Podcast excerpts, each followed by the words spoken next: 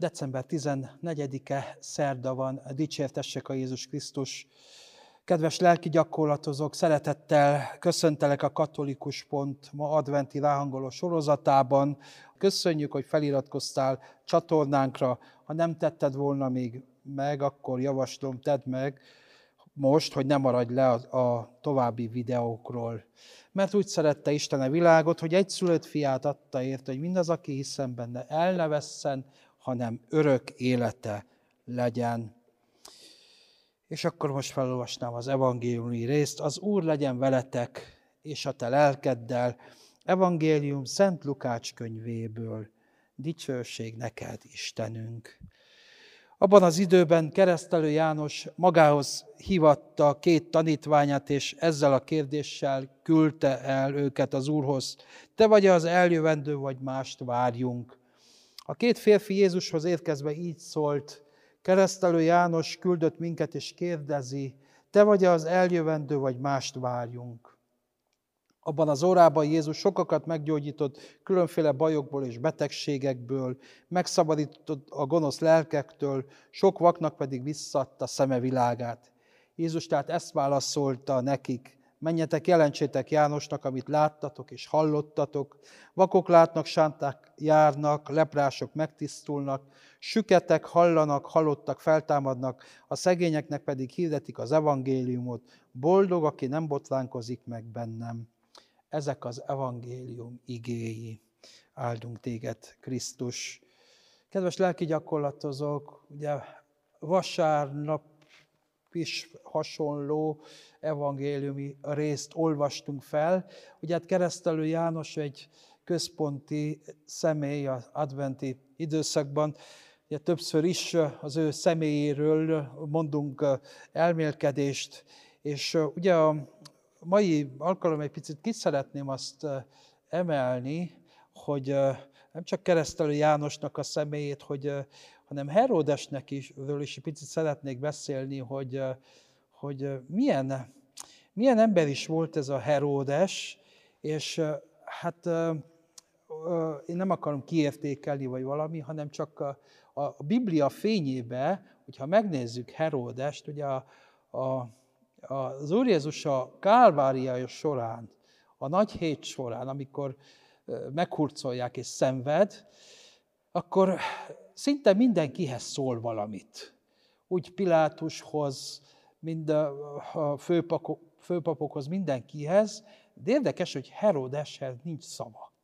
Herodesnek nem mond semmit. Herodes azt mondja neki, hogy tégy csodát, Herodest nem méltatja válaszra.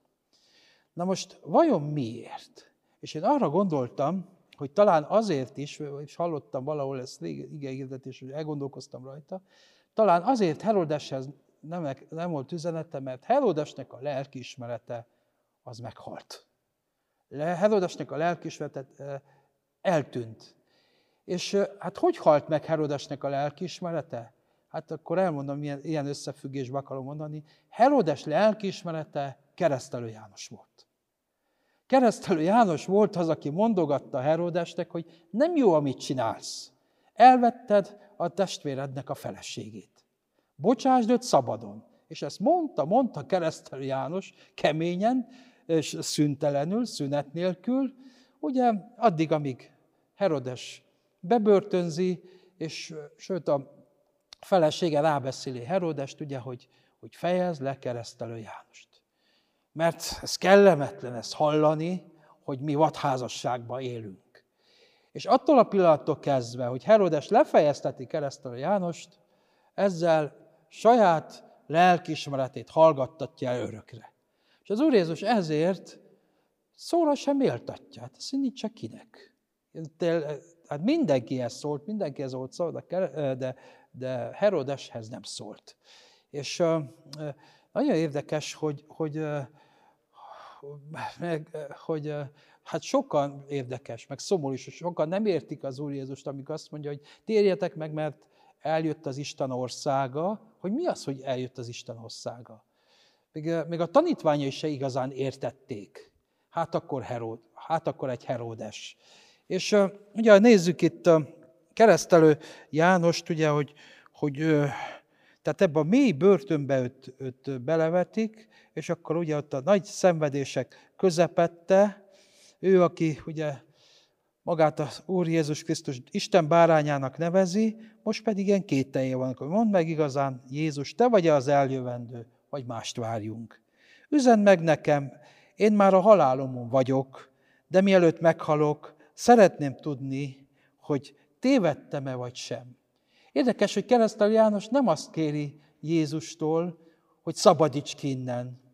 Nem azt kéri Jézustól, hogy gyógyíts meg, gyógyíts ki a betegségemből, hanem arra kéri, hogy világosíts meg. Jöjj a te szent világosságoddal, és segíts már nekem, hogy, hogy, hogy lássam azt, hogy tévedtem-e? Tévedésbe éltem?